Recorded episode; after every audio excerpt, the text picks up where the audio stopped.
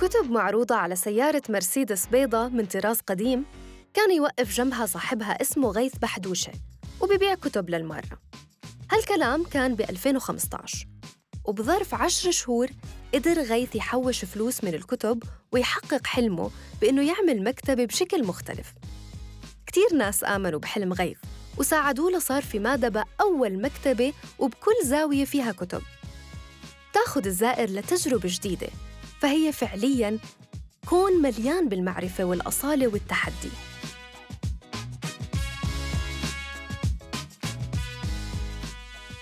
مكتبة كون مش بس مكان لبيع الكتب هو مساحة شبابية والأولى من نوعها في مادبة. مرحبا للشباب الأردني الريادي الواعد. أنا اسمي غيث بحدوشة مؤسس مكتبة كون في مأدبة. تم تأسيس المكتبة قبل ست سنوات في 2016 طبعا آه، قبل التأسيس هو حلم. هذا الحلم تحول لحقيقة عن طريق آه، بناء مبادرة اجتماعية اسمها آه، كتب على الطريق. كانت عبارة عن عرض كتب على سيارة مرسيدس قديمة موديل 74 أخذت طابع جميل جدا وكلاسيكي. ما أثار رغبة الناس وفضولهم في يعني إنهم يقتربوا منها ويعرفوا إيش المشروع. المبادرة كانت عبارة عن آه، حملة لتمويل متجر الكتب اللي سعيت إني أفتحه في مأدبة بالعام 2016 عن طريق بيع هاي الكتب اللي على السيارة كانت معروضة وتمويل المشروع. فكانت الحملة هاي بالشارع عبارة عن هالسيارة محطوطة وكنت أبيع الكتب وأعمل بروموشن للمكتبة آه، اللي بمادبة والمشروع. والناس حبوا الفكرة كتير وبلشوا يدعموا ويشتروا كتب ويتبرعوا لي في كتب. خلال سنة بالشارع قدرت إني أفتح المشروع. كان عبارة عن متجر الكتب صغير يعني خمسة متر بخمسة متر ولكنه تطور وتوسع واليوم صار آه، عبارة عن عقار مساحته دنم بتوسطه منزل فيه مكتبة ومطبخ وكافيه وحديقة كبيرة ومساحة اجتماعية للجميع نقيم فيها فعاليات مختلفة وبرضه يعني من شركائنا المحليين من آه، المؤسسات المحلية والمجتمعية برضه بيعملوا فيهم فيها يعني آه، فعالياتهم الخاصة. وهيك تطور المشروع. يعني نرتقي بالمستقبل إنه يتطور المشروع أكثر وتصير مساحة صحية أكثر وأكثر وأكثر وفاعلة أكثر وأكثر أكثر بالمجتمع. يعني لا نعرف وين المستقبل كمان نحن ماشيين في التطورات وإن شاء الله يا رب يعني أي تطور بصير بالمشاريع الريادية بنقدر نتبناه ليساعد على تحسين يعني آه، إنتاجيتنا المجتمعية بيكون كتير منيح.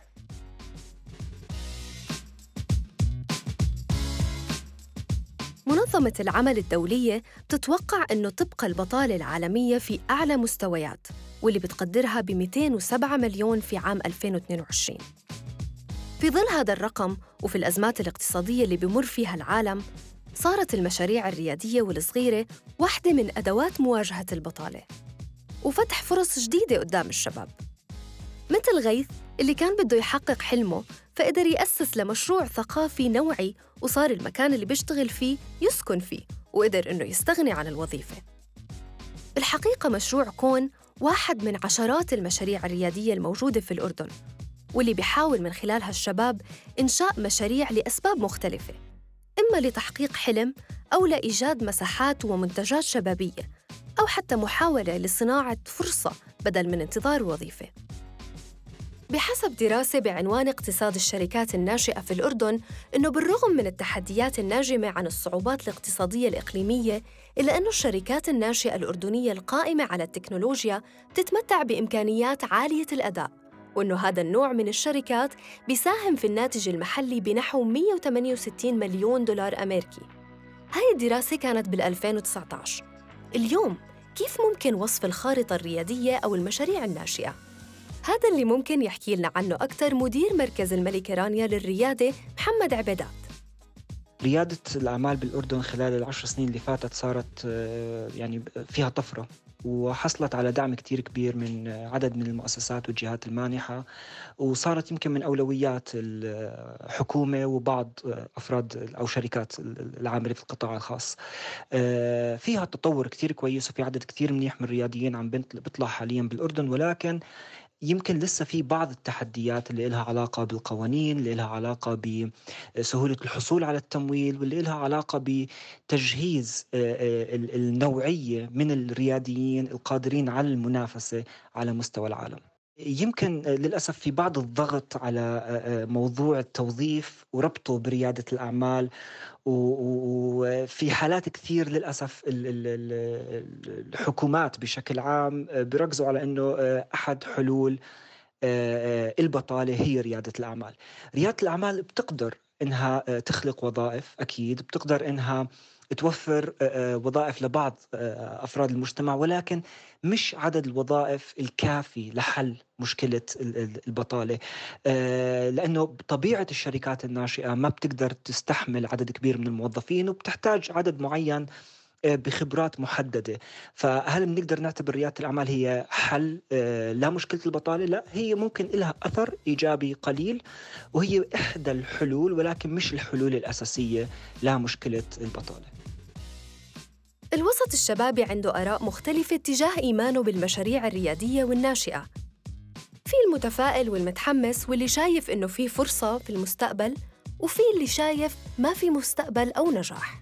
أنا بأمن جدا بالمشاريع الريادية والناشئة لأنه هلأ أي مشروع أو شركة كبيرة عالمية أو regional أو local هدول الشركات كلها بلشت بمجموعة من الناس أو بفرد واحد. بعمل بالمشاريع الريادية والناشئة أكيد لأنه هي طموح ونظرة لجيل جديد عم بتفسر لقدام. المشاريع الريادية والناشئة من وجهة نظري هي الوجهة الحقيقية والحل الأمثل لعدة معضلات مجتمعية. طبعا إذا ما تم رعايتها وضعها تحت جهات رسمية تكون داعمة وتشجيعية آه، باعتقادي راح تكون هي السبيل للارتقاء ومواكبة التطور السريع وأيضا التغلب على العقبات الاقتصادية الحالية. آراء الشباب مهمة جدا باختلافها وتنوعها لكن وزارة الاقتصاد الرقمي والريادة عندها رؤية ثابتة وهي الوصول لاقتصاد رقمي شمولي قادر إنه يحقق تنمية اقتصادية واجتماعية مستدامة الوزارة بتعمل على إعداد إطار تشريعي للشركات الناشئة لتشجيع الريادة مع وجود بيئة محفزة للاستثمار هالأطر التشريعية بتسعى لتطوير بيئة عمل محفزة لإنشاء شركات ريادية جديدة فكيف ممكن الوصول لهاي البيئة؟ ولأي مدى ممكن تكون المشاريع جزء من حل مشكلة البطالة؟ مدير تطوير قطاع الأعمال الرقمية في مشروع الشباب والتكنولوجيا والوظائف في وزارة الاقتصاد الرقمي والريادة رائد مدانات رح يشرح لنا أكثر عن هذا الموضوع. لا كوزارة اقتصاد رقمي وريادة آه، في عندها مجموعة آه، من البرامج اللي بتدعم الشركات الريادية والرياديين في الأردن.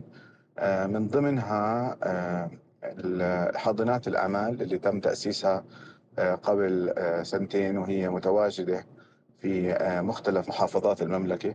فبالتالي الرياديين ممكن يستغلوا هاي المحطات أو الحواضن بأنهم يروحوا هناك يكون في لهم مكتب آه، مجهز بجهاز كمبيوتر إنترنت فبيقدروا يشتغلوا من من خلالها.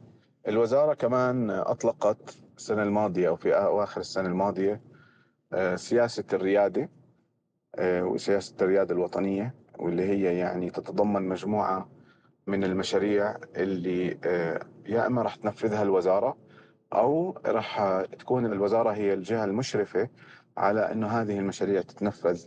وهاي المشاريع يعني تندرج ضمن آه، أهم المحاور اللي بيحتاجوها الرياديين اللي من ضمنها الوصول إلى الأسواق آه، من ضمنها الوصول إلى التمويل.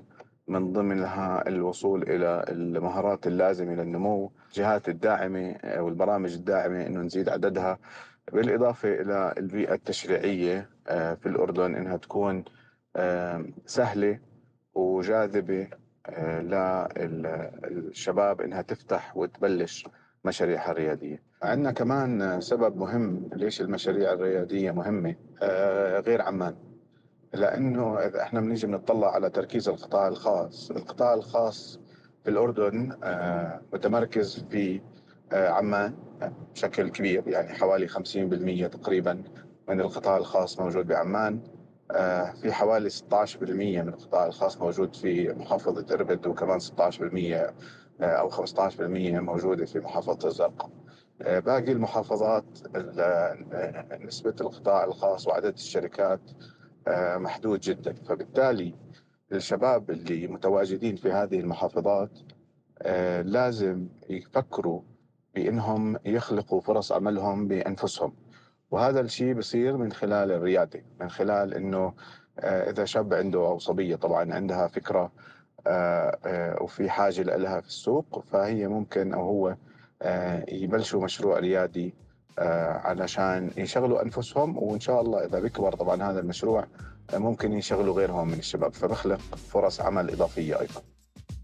بشكل عام في فروقات بين أنواع المشاريع وفي شوية اختلاف بين المشاريع الناشئة والرياديه والصغيرة ولنقدر نفوت هذا العالم. الاختصاصية في المشاريع الريادية وإدارتها ربح حجازي بتأكد إنه المشروع الريادي لازم يكون مبتكر. باعتقادي اليوم إحنا عنا إشكالية في تعريف المشروع الريادي. في عنا ثلاث فئات من الأعمال اللي بنعتبرها ريادية وهي في الحقيقة غير ذلك. النوع الأول آه، هو المشاريع الصغيرة اللي بتقدم منتج أو خدمة تقليدية لفئة محدودة من العملاء أو الزبائن وإمكانيات توسع المشروع آه، قليلة نظراً لطبيعة الخدمة أو المنتج اللي بيقدمه المشروع. هذا المشروع يعتبر مشروع تجاري بزنس وهذا مو إشي سيء. بالعكس هذا المشروع عم بيوفر فرصة عمل لصاحبه ممكن لمجموعة من الشباب لكن نظرا لمحدودية فرص توسعه ما بنقدر نعتبره مشروع ريادي. النوع الثاني هم فعليا أشخاص أشخاص بيقدموا خدمات مختلفة بأنفسهم للعملاء ودون الاعتماد على فريق أو مع وجود شخص أو شخصين مساعدين لهم العمل دائما معتمد على أشخاصهم آه، وهذا الحقيقة ليس عمل ريادي يعني بغض النظر عن طبيعة الخدمة اللي بيقدمها لكن هو جيد لأنه بيساعد هذا الشخص مقدم الخدمة على توفير مصدر دخل إله ولأسرته ممكن لشخص أو شخصين معه هون بيبرز السؤال شو هو المشروع الريادي في هاي الحالة؟ المشروع الريادي فعليا هو مشروع مبتكر وفي نوع من المجازفة في تأسيسه بيعتمد غالبا على التكنولوجيا في عملياته الأساسية أو في المنتج أو الخدمة اللي بيقدمها. وهذا بيساعدنا على وجود فرص توسع وانتشار ونمو كبيرة لهذا المشروع. في بعض الحالات في الأردن شفنا من هاي المشاريع وفرت مئات فرص العمل آه، سواء في الأردن أو في الدول المجاورة. على سبيل المثال شركة موضوع شركة طماطم وغيرها من الشركات اللي توسعت في المنطقة العربية ولا تزال هناك فرص آه، لتوسع أكبر لإلها. في عام 2020 اختفى ما يقارب 5 ملايين وظيفة وحل محلها وظائف تانية بسبب كورونا بحسب موقع weforum.org وهذا يعني تغيير احتياجات سوق العمل المحلية والعالمية. الأمر اللي بيحتاج التفكير بشكل مختلف وتعليمهم مهنياً بدفع الشباب إنه يكون ريادي ويخطط لمشروعه. لكن من وين لازم يبدأ الشباب؟